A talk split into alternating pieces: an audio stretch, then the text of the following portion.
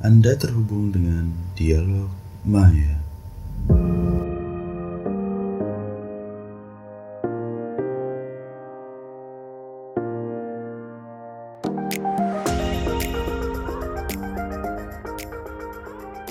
Jadi ini kita udah vakum berapa lama, Bal?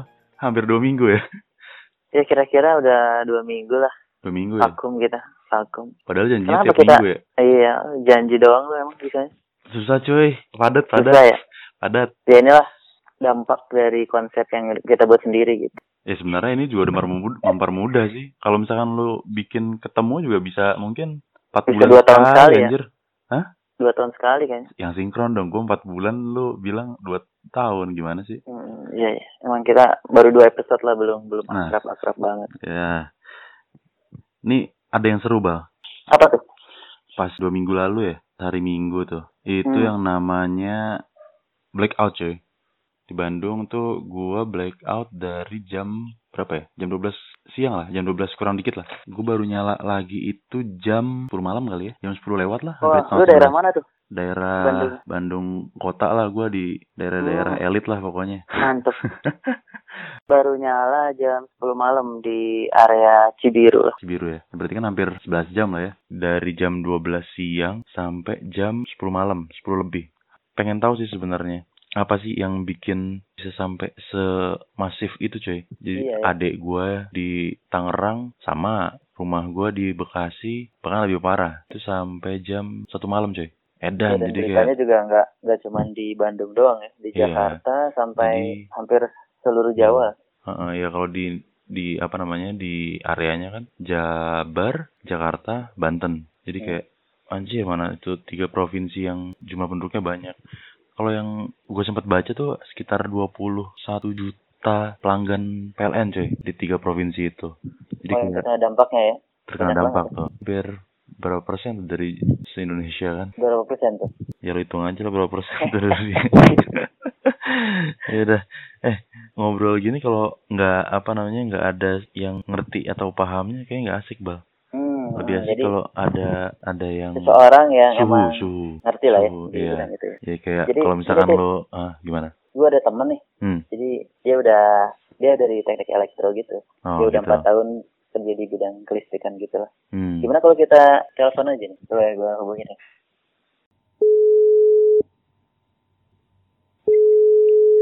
halo Halo Bib, Bib, Halo, halo, halo Iqbal. wis. Jadi gini Bib, jadi eh ya, bentar lagi- dong gue belum kenal anjir Iya makanya gue lagi Oh. tersambung dengan Iya, Bapak udah. Arif, Arif Nov. Padahal dia Arif Nov panggilnya ya? Arif Hmm. Nov ya. Lo boleh manggil dia Arif atau manggil dia Kotip. Karena Oke, nama oke. aslinya sebenarnya Kotip. ya bagian itu gue cut oke lanjut halo Kotip, halo dari ya Iya, jadi kita lagi mau ngomongin terkait kok bisa sih kemarin PLN kena blackout gitu separah itu. Dampaknya juga sebesar itu gitu. ini gue jadi gue manggil dia apa nih Habib, Habib. Habib. Oh, Habib. gua Habib. Iya. lah lo bukannya kemarin di Mekah coy Udah balik cuy. udah balik ya iya, kemarin banjir di Mekah. Oh. balik Indonesia lagi. ya udah deportasi kan Ini Habib yang mana nih? Hati-hati loh. gue nggak mau bahas yang aneh-aneh lanjut gimana gimana Jadi Oke, kita oke. mau bahas terkait kok bisa sih PLN kena blackout separah itu gitu. Hmm. Tapi sebelum masuk ke sana kita pengen tahu juga sebenarnya eh, kondisi sistem kelistrikan di Indonesia itu atau secara umum deh seperti apa sih? Oke, oke, oke. Oke. Jadi gua jelasin ya. hmm Jadi sebenarnya ini nggak berlaku hanya di Indonesia aja sih, tapi di seluruh ya seluruh dunia lah. hmm Itu sebenarnya metodenya itu sama sistemnya. Jadi itu sistem pembangkitan listrik itu dibagi tiga segmen gitu, tiga sistem. hmm Nah, yang pertama itu sistem pembangkit, ya kan? hmm Yang kedua itu sistem transmisi. Nah, yang ketiga ini sistem distribusi. Hmm, Nah, ada bagian tiga tengah- berarti ya. Benar ada tiga. Nah, Berarti kalau yang dari- pembangkit itu dari Hmm. pembangkitnya habis itu ada transmisinya ke apa apa istilahnya gardu-gardu induk gitu kali ya yes termasuk bagian dari transmisi. transmisi baru itu. habis itu didistribusiin ya ke distribusi pelanggan. benar. ke konsumen-konsumen, benar. berarti kalau yang kayak gardu-gardu kan kok ada tuh kecil tuh yang dibikin depan Indomaret tuh biasanya tuh Hmm. Nah, itu Samping berarti mas- Alfamart ya.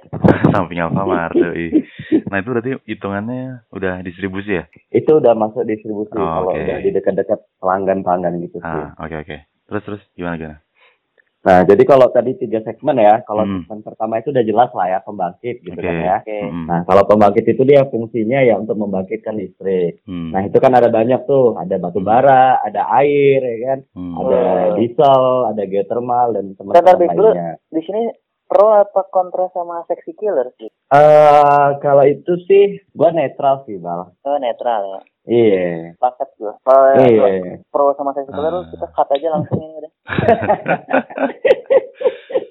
Kalau mau jujur-jujuran murah ya batu bara murah sih, Bal. Hmm. Profitnya kan tinggi kan. yang pernah gue baca tuh kalau misalkan HPP untuk PLTU tuh murah cuy cuma sekitar Murah banget, cuy. 600 rupiah mungkin ya sekitar segitulah Iya. rupiah Ya maksudnya kita harus menempatkan diri dengan lebih bijak gitu, nggak boleh terlalu pro, nggak boleh terlalu kontra juga. Iya. Enggak sih, sebenarnya ini gue juga cuma membandingkan secara biaya ya. Karena kan namanya bisnis. Iya. itu Pasti ada bahas itu negatif lah ya. lagi Ya bukan cuma ininya lah bisnisnya, tapi kan ada side effect-nya lah ya. benar-benar Oke. benar Sip. banget tuh. Lanjut. Oke, gue lanjut ke transmisi nih ya. Tadi Hmm. udah clear lah ya di sisi pembangkit Oke. ya. Nah, kemudian segmen kedua itu sistem kedua itu ada transmisi. Nah, Hmm. transmisi fungsinya untuk apa sih? Itu untuk menyalurkan dari pembangkit ke distribusi. Kenapa? Karena dari pembangkit itu kan kita mainnya tegangan gede tuh ya kan. Hmm. Sementara kalau di di konsumen-konsumen kan paling 220 tuh, terutama yang Hmm. rumah-rumahan. Nah, itu harus lewat transmisi, jadi nggak boleh langsung. Apalagi kalau kita ngomongin jarak jauh nih, Hmm. antar antar provinsi misalnya gitu kan, Jawa Barat, Jakarta. Nah, itu kan jaraknya cukup jauh, makanya penjembatannya itu transmisi. Intinya untuk jembatan doang lah transmisi itu dari pembangkit ke distribusi. Kebayang sih, kebayang. Nah, yang tiga tadi ya konsumen, si distribusi. Nah, itu ya gilirannya kita lah sebagai pelanggan-pelanggan gitu kan, untuk nikmati listriknya dari PLN. Kan eh, ada pembangkit, transmisi sama distribusi ya. Mm-mm. Itu Nah ini gue juga rada-rada masih kurang paham juga terkait beban, frekuensi dan tegangan itu gimana, Bib? Nah, jadi gini, Bal. Kalau kan tadi kan kita mau ngirim nih dari sisi pembangkit ya kan, mau ngirim ke distribusi kan nggak bisa langsung tuh, Hmm. ya kan lewat jalur transmisi nih. Ya. Nah, di, di transmisi itu ada semacam regulasi gitu. Nah, intinya sih dia harus ada empat parameter yang harus diikuti dan disepakati oleh semua pembangkit. Hmm. Nah, pertama itu tadi yang udah disebutin sama lu, Bal. Si frekuensi, ya kan? Oke. Yang kedua adalah tegangan. Nah, yang ketiga itu ada sudut fase. Nah, yang keempat itu adalah urutan Sorry, sorry, apa? fase. Yang ketiga tadi apa? Sudut fase, sudut fase. Oh, sudut fase. Fasa, fasa. Ah, ah, Hmm. fasa, fasa, fasa. Oke, fasa. oke. Kan, Yang keempat? hmm. yang keempat itu urutan fasa. Hmm, anjir, bahasanya sangat Iya, tinggi, Berat cuy. juga nih, bos. Berat juga nih. Fasa jadi jadi fase. Hah? Fase jadi yang fase. mirip lah, bos. Indonesia sama Inggris, bos. Ah, Nah, oke, iya. oke. Lu lama hidup di Amerika ya, Bib? Iya, kan temannya Sinta Laura, bos. Oh, iya. Cinta Laura cakep cuy. Cakep sih asli. Cakep, cakep. Oke. Terus tadi gimana? Eh, apa Oke, namanya? oke, oke. Jadi ada ada empat parameter, Empat yang parameter. harus Hmm. dipenuhi oleh setiap pembangkit ketika dia mau masuk ke transmisi. Hmm, oke. Itu empat syarat itu. Dan yang paling strict itu biasanya yang paling berubah tadi yang kayak diomongin sama lu bal itu frekuensi sama tegangan itu ada tuh batas atas dan batas bawah bawahnya. Oh, jadi Hmm. sebelum si listrik itu dialirin, itu ada Mm-mm. semacam apa tuh? Kayak kalau misalkan di eh, apa namanya di pembangkit tuh ada ininya ya, ada eh, semacam Step apa ya, gitu semacam signalnya gitu ya, atau semacam Yes, apa ya detektor lah ya? benar kayak istilahnya kalau- detektor Ah, semacam sinyalnya detektor gitu lah, lah. sinyalnya. Sinkron, sinkron. Ah, Harus sinkron istilahnya gitu kan. frekuensi. Nah, kalau kita mau sinkron frekuensi terus tegangan ya kan, Tegangan ya. sudut fasa sama urutan fasa Hmm. kayak gitu. Tapi gini kan, Bib, kalau transmisi itu kemarin kalau yang dari kejadian blackout itu kan. Ungaran gitu ya. Mm-mm. Dia punya apa voltase 500 kV ya. Iya. Terus kalau misalnya kita tilik-tilik ke distribusi kan dia jauh tuh di bawahnya. Paling kalau Hmm. industri 20 kV, kalau household cuman 220 volt gitu. Itu Mm-mm. kenapa perbedaannya jauh ya, Bib? Dari pembangkit, transmisi, terus ke household. Nah, benar sekali, Bal. Pertanyaan yang bagus banget ini, Bal. Jadi gini, Jadi skenario banget nih kayaknya. kayak ini gue kayak apa namanya kayak Helmi Yahya aja Kayaknya. Iya. Tapi gue curiga aja, mereka udah tahu nih jawabannya ya. Hah? Enggak coy, enggak, enggak tahu gue. Nggak tahu ya. Gue, Hmm. Oke oke. Jadi intinya gini Bal. Dari pembangkit itu kan kita ngirim ke distribusi kan jaraknya cukup jauh ya. Jauh Hmm. banget malahan kan. Nah contoh nih di pembangkit itu kan ada pembangkit dia ngebangkitin tegangannya misalnya cuman eh 13,8 kV gitu kan. Nah kalau misalnya kita jaraknya 1000 km gitu kan di pelanggan itu terus dapat 20 kV kan otomatis nggak mungkin kan Hmm. dari 13,8 ke 20. Nah, itu tadi yang lu sebut tadi namanya trafo itu, Bal. Jadi harus di step up dulu, dimasukin ke Oke. transmisi. Transmisinya berapa? Itu ada 150, ada 500. Biasanya Hmm. kalau semakin jauh gitu kan jaraknya, itu pasti tegangannya dipakai yang paling tinggi, yang 500. Fungsinya untuk apa? Fungsinya supaya ngulangin rugi-ruginya, Bal. Kayak ibaratnya, gua punya 10 nih gitu kan, Hmm. 10 liter, gua kirim ke Jawa gitu kan, jangan sampai dia berkurang 8 liter. Kayak Hmm. gitu. Ada cecer Jadi masih ceceran gitu ya. ditinggiin. Bener. Untuk menghindari cecerannya lah. Makanya gua mainin di tegangan yang tinggi. Istilah Oh. kerennya apa tuh, Bib? Loss apa tuh? Current loss, loss current. Eh, drop voltage. Wah, Jatuh mantap. tegangan. Hmm. Siap, siap, siap. Gila, makin berat voltage. aja bahasanya ya. Iya, anjir. Gue juga Kasihan Cikot itu. Gue. Tapi gak apa. Gue juga jadi penasaran. Gue pengen, pengen tahu. Nah, tadi kan ada berapa? ah, ada yang 500 kafe sama Mm 150 20 ya? kafe. Eh, sama 20 Ya, sorry. 150. heeh. Ah, ada 500, 150 sama 20. Mm-mm. Bedanya apa tuh? Sebenarnya kalau di transmisi itu ada 500 sama 150 doang sih. Oh gitu. Biasanya main tegangannya. Benar. Oh, kalau yang Kalau di 20 tuh yang Hmm. untuk ini ya, untuk yang udah distribusi ya. benar di distribusi Oh, gitu. konsumen konsumen industri gitulah. Nah, kalau misalkan gue di pinggir jalan gitu lihat sutet-sutet Mm-mm. berarti berapa? 150-an ya atau du- 500 itu? Kalau di jalan dekat perkotaan biasanya 150. Kalau Oh. 500 itu yang di sawah-sawah yang paling tinggi itu Oh, tiang-tiangnya oke itu. oke yang yang ini ya, yang yang kemarin itu ya, yang di Ungaran itu ya. Ah, ah, yang di Ungaran itu 500 tuh. Kan tinggi banget ya. oh, yang gedenya. dia kan. Ah. Oh, Lumayan nih jadi ini juga Biar ada kebayang ya. biar biar Hmm. kebayang. Penyediaan listrik secara umumnya gitu ya. Mm, mm, mm. Nah, kemarin kalau misalnya baca-baca di berita gitu ya, ada istilahnya sistem interkoneksi gitu. Nah, itu emangnya sistem seperti apa sih, Bib? Dan kenapa sistem itu yang akhirnya diterapkan di Indonesia gitu? Oke, ini makin berat lagi ya kayaknya ya. Pertanyaan kedua ya. Berat. Oh, maksudnya interkoneksi antar pembangkit gitu. Antar Bang? pembangkit, benar. Hmm, Jadi sistem interkoneksi itu kenapa yang diterapkan di Indonesia gitu, Latif? Karena Hmm. ada plus minusnya gitu kan dengan Hmm, hmm, ada faktor geologis atau faktor posisi pembangkitnya gitu. Makanya nih Hmm. kita harus tanya ke pengamat kelistrikan nih. Pengamat kelistrikan ya. Ah, ah. Siap, siap. Seperti siap. apa sih? Gitu. Gue kebayangnya langsung Roy Suryo anjir kalau pengamat Sama Hotman Paris, bos. Dari satu. sama Rocky Gerung. Oke oke, terus terus. Gimana tadi? Oke ya. Hmm. Jadi sebenarnya nggak hanya di Indonesia sih sistem interkoneksi itu. Itu udah udah hal umum lah kalau kita Hmm. ngomong transmisi pembangkitan ya di dunia elektrikal. Nah, jadi simpelnya gini nih. Misal gue sebagai pembangkit ya, Bal. Hmm. Lu sebagai konsumen gitu kan distribusi. Ngasih hatip si transmisi gitu ya. Hmm. Nah, gua kalau misalnya mau ngejual listrik ke lu, berarti kan gua lewat hatip nih. Hmm. Nanti hatip lariin ke lu gitu kan. Nah, itu tanpa interkoneksi, Bal. Sekarang kelemahannya nih, misal si kotip ada gangguan, dia pergi lagi cabut gitu kan. Gua nggak bisa ngirim listrik dong lewat lu gitu kan. Ya, ya. Karena kotipnya hilang. Hmm. Nah, ataupun tes kedua nih, misalnya gue ada trouble gitu kan, otomatis walaupun si kotip ada, lu ada ya tetap aja nggak bakal nerima listrik. Karena Hmm. guanya sendiri lagi bermasalah. Nah, Ya. itu kelemah itu salah satu eh kenapa kita butuh interkoneksi. Hmm. Oke. Nah, itu tadi kasus kasus kalau misalnya tidak ada sistem interkoneksi. Jadi langsung aja Oke. satu arah ngejualnya gitu, Bang. Hmm. Nah, lah dengan ya. ah, seri lah langsung gitu kan. Direct Iya, iya. jadi kalau interkoneksi sendiri itu idenya kita gabungin beberapa pembangkit sama sistem transmisi. Hmm. Nah, Oke oke. jadi nggak hanya ada satu hatip, jadi ada dua hatip dan dua habib. Misal Hmm. habib pertama Pusing problem, gua. Serius. Gua harus ngikutin khotib apa Habib. Ada dong transmisi gitu lah. yes, jadi ada dua transmisi dan ada dua pembangkit tapi lewat jalur yang sama bal Hmm. dan ngalirin ke lu. Misalnya Oke. gua pembangkit pertama problem gitu kan, otomatis masih ada nih pembangkit yang kedua, ya kan yang bisa ngalirin ke lu. Atau misalnya di transmisi yang pertama problem nih, Mhm. eh masih ada transmisi yang kedua untuk Hmm. jalur untuk ngalirin listrik ke lu. Jadi Jadi- saling berhubungan antara pembangkit tadi itu. Jadi fungsinya kurang lebih untuk saling nge-backup gitu lah ya. Nge-backup bener, Nah, getting lah. satu satu trouble, satu standby gitu ya. Bener. Oh, gitu.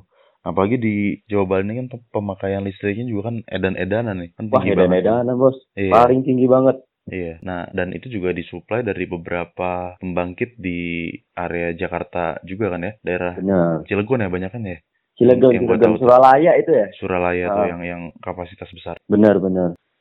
Tapi dengan kondisi Indonesia yang kayak gini, mungkin luasnya sekian gitu, terus posisi pembangkitnya juga berjauhan gitu. Emang itu yang paling cocok gitu.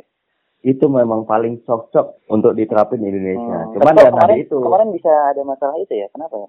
Walaupun Nah, itu dia. yang lo sebutin tadi. Gitu. Mm-mm. Nah, jadi kan kita ngomong secara ideal ya, Bang. Kalau idealnya kan idenya kayak gitu gitu kan. Hmm. Sementara kalau fakta lapangan kan kita perlu banyak ini ya, apa namanya, peralatan-peralatan pendukung ya. Nah, Oke. itu sebenarnya yang perlu kita cross check sendiri. Apakah Hmm. sistem interkoneksi kita itu sudah didukung dengan peralatan-peralatan yang sesuai? Coba Bal, Ya. yang yang kemarin ini kan termasuk yang masif lah ya blackoutnya. Yang Masif. gua tahu itu terakhir kayak gini tuh tahun 2002. 2002 ya. 2002 kalau nggak salah Itu- tuh ya. 7 tahun. Tujuh tahun yang lalu berarti ya? 2002 coy. 17 tahun coy. Oh, 17 Iya, tahun loh. 17 ya. Ibaratnya si blackout itu kalau misalkan di umur sekarang dia udah punya KTP. Hmm. Nama panjangnya blackout apa ya? Ya nggak perlu kita Electricity pikirin sih sebenarnya. Nggak perlu kita pikirin sih nama nama Iya, nama si blackout itu. Mau dia jadi apa kek nggak ada urusan di situ. nah, kan jadi lupa kan gue tadi mau nanya apa. Tapi eh Bib, Iya ya. eh, misalnya menurut pengamatan lo gitu, opini Ah. lo, eh, lo setuju nggak sih kalau misalnya blackout kemarin itu terjadi karena si sutepnya itu yang di Ungaran kena sama pohon yang besar itu gitu karena ROW-nya nggak bisa mencapai 18 meter itu ya. Iya benar-benar. Jadi ya kalau kita berbicara kemungkinan ya probabilitas ya sebenarnya mungkin aja gitu kan. Karena ibaratnya kayak inilah di rumah gitu kan ada dua kabel kita aduin gitu kan otomatis kan mati listrik kan. Nah kayak gitu juga. Oh. Ketika pohonnya itu nyentuh kabel gitu kan, nyentuh kabel berhubung ke kabel sebelahnya ya otomatis mati listriknya terjadi konslet. Nah gitu kan. Hmm.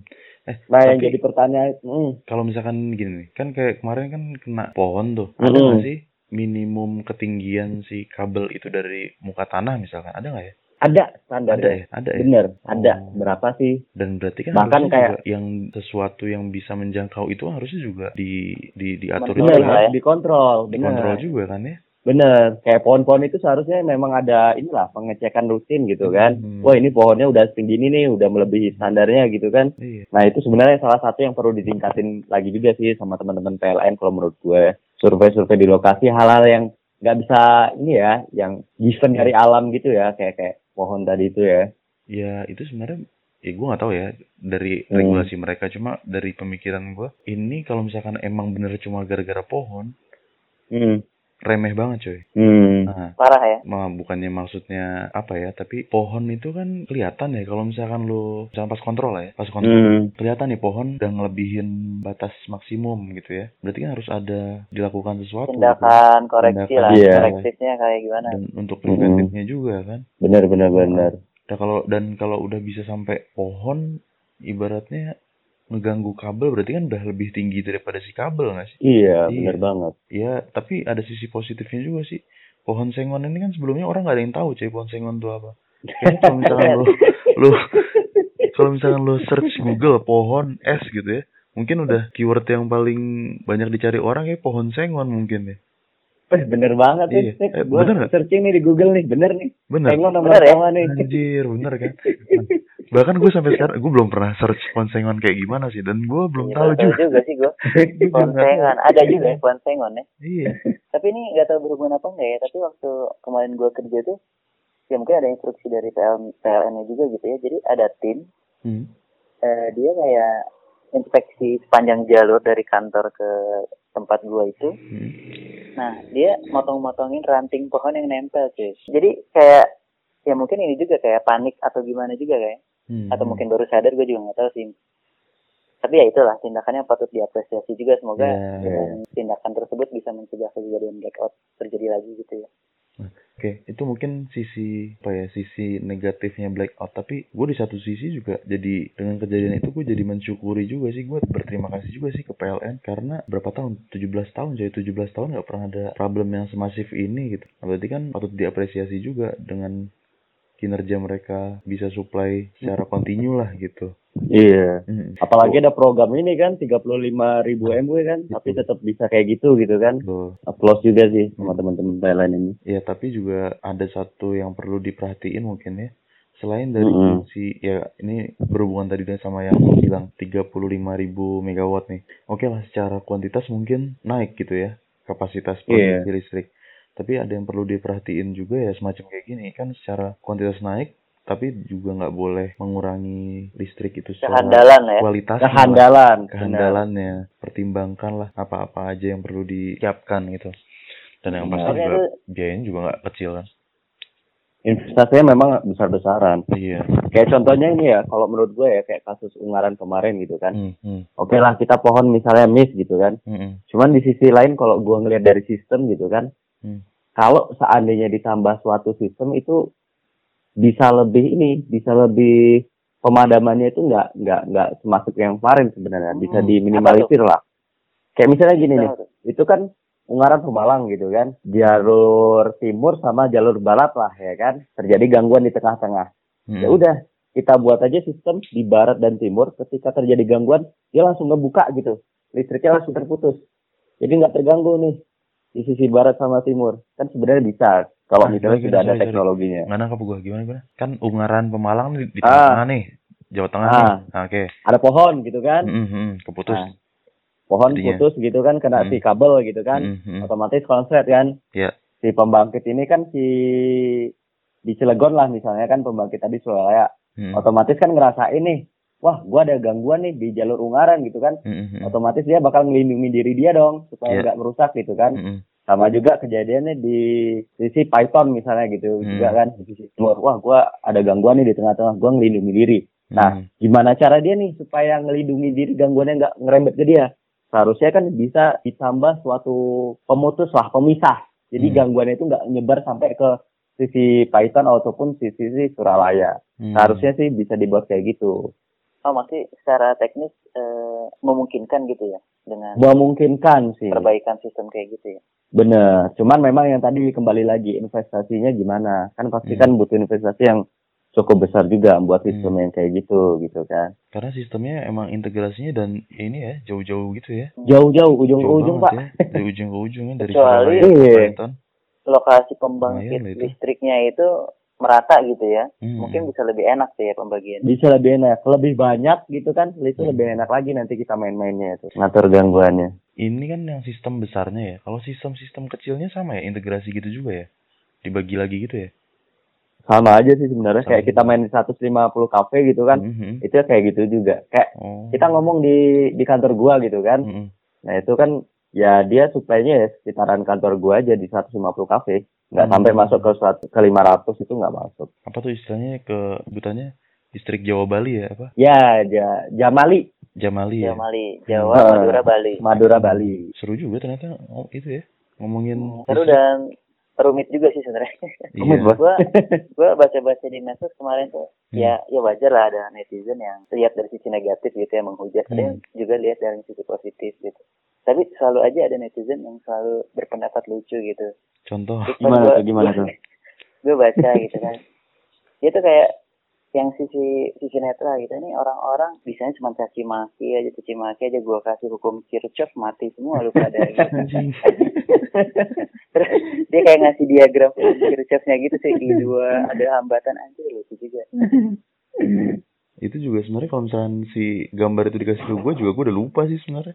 Ya, Hukum makanya Kirchhoff gara-gara itu gue jadi ketawa gitu Buset, Iya. iya. iya ya ingat juga gue ada hukum Kirchhoff lu bisa hitung hukum Kirchhoff? Bisa lah cuy. Eh, Nah, Kalau Kirchhoff yang Kirchhoff sederhana ya, ya. Kirchhoff tuh yang deket Carrefour ya. Kalau di Bandung. Kircon boy. Oh, Kircon. Kirjan. Kircon.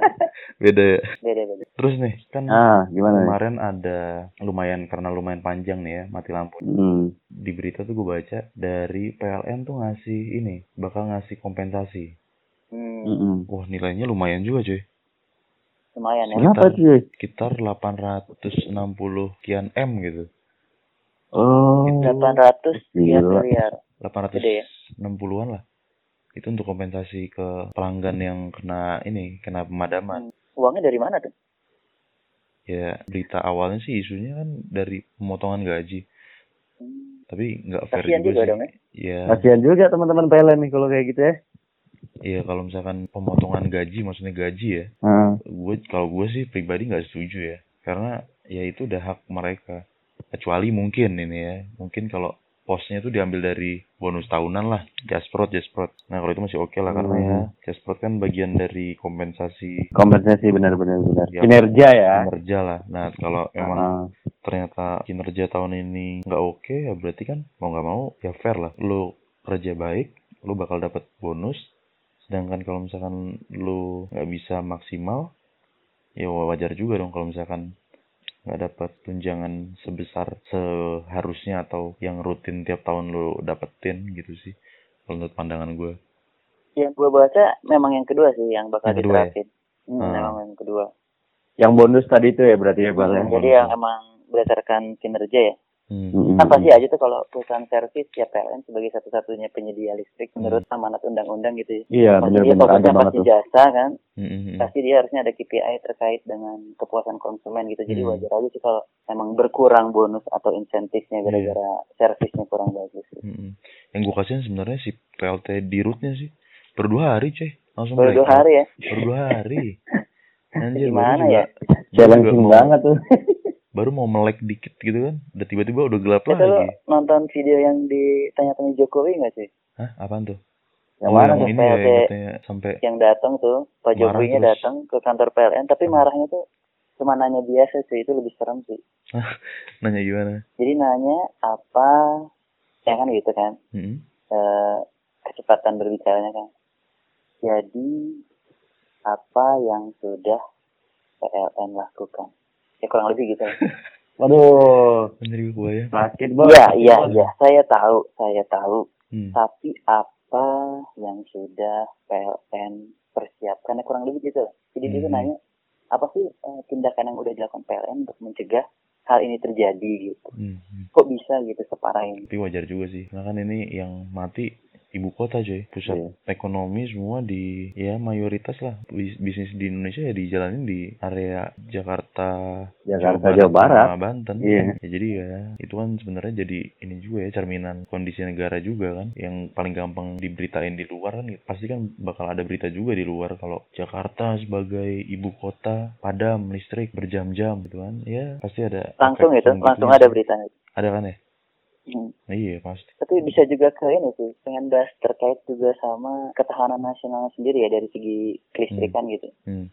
Misal kita lagi perang nih, Hmm. terus diserang nih, setiap kita satu doang gitu, dihajar terus mati, gimana ya sistem pertahanan kita ya? Apakah masih handal atau enggak ya? Hmm. Tapi ya was-was sih. Kayaknya Iya. pasti Kan- sangat rentan sekali. Itu yang masih manual gitu ya. Maksudnya kayak nyerang susut gitu kan. Apalagi kan Hmm. sekarang kalau kita ngelihat kan perkembangannya kan udah digital ya. Hmm. Teman-teman PLN juga udah ngarahnya kan ke digitalisasi gitu kan. Hmm. Karena gue pernah baca beberapa gitu kan, oh mereka sudah menerapkan digitalisasi gitu kan. Nah ntar cara mudahnya, gue juga sempat berpikiran tuh, gimana ntar kalau dikasih virus gitu kan, Hmm. ke sistemnya PLN gitu kan, terus ngendaliin kan bisa, listriknya bisa dikendaliin seenak-enaknya gitu kan.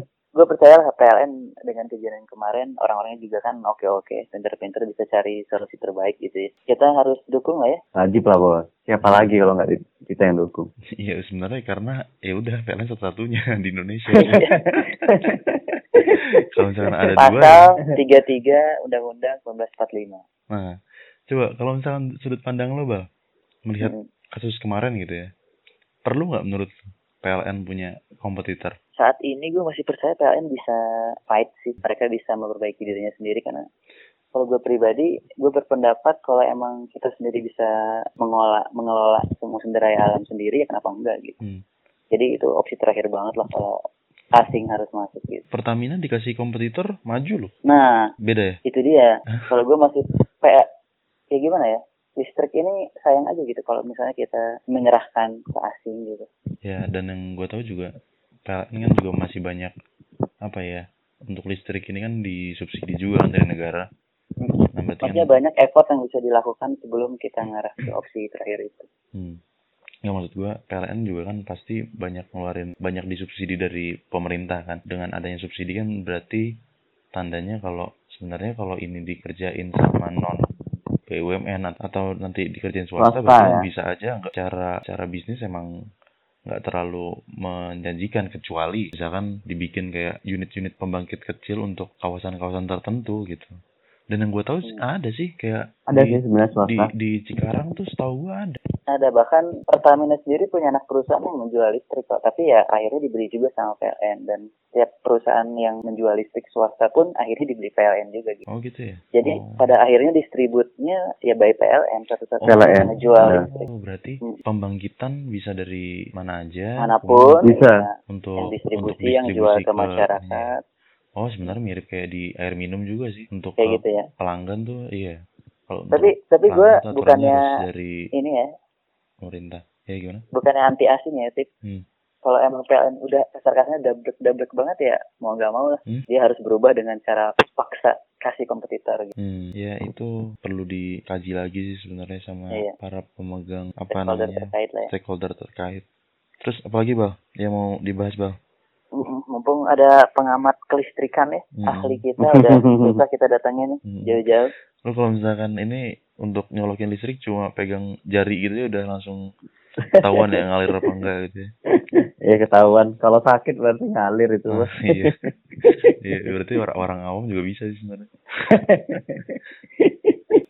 Jadi di episode pertama ini apa yang kita ingin capai tercapai juga sih bang. Kita juga tahu ya bahwa sistem penyediaan listrik itu emang sekompleks itu ya nggak Hmm. mudah juga sih ya buat Hmm. mengoperasikannya. Tapi selain problem di kabel kemarin tuh Hmm. nggak ada lagi penyebabnya atau cuma gara-gara itu? Nah, gini sih, setahu gue PLN juga masih investigasi lebih lanjut ya. Hmm. Karena kan mereka butuh waktu yang lebih lama lagi biar hasilnya itu lebih Hmm. komprehensif gitu.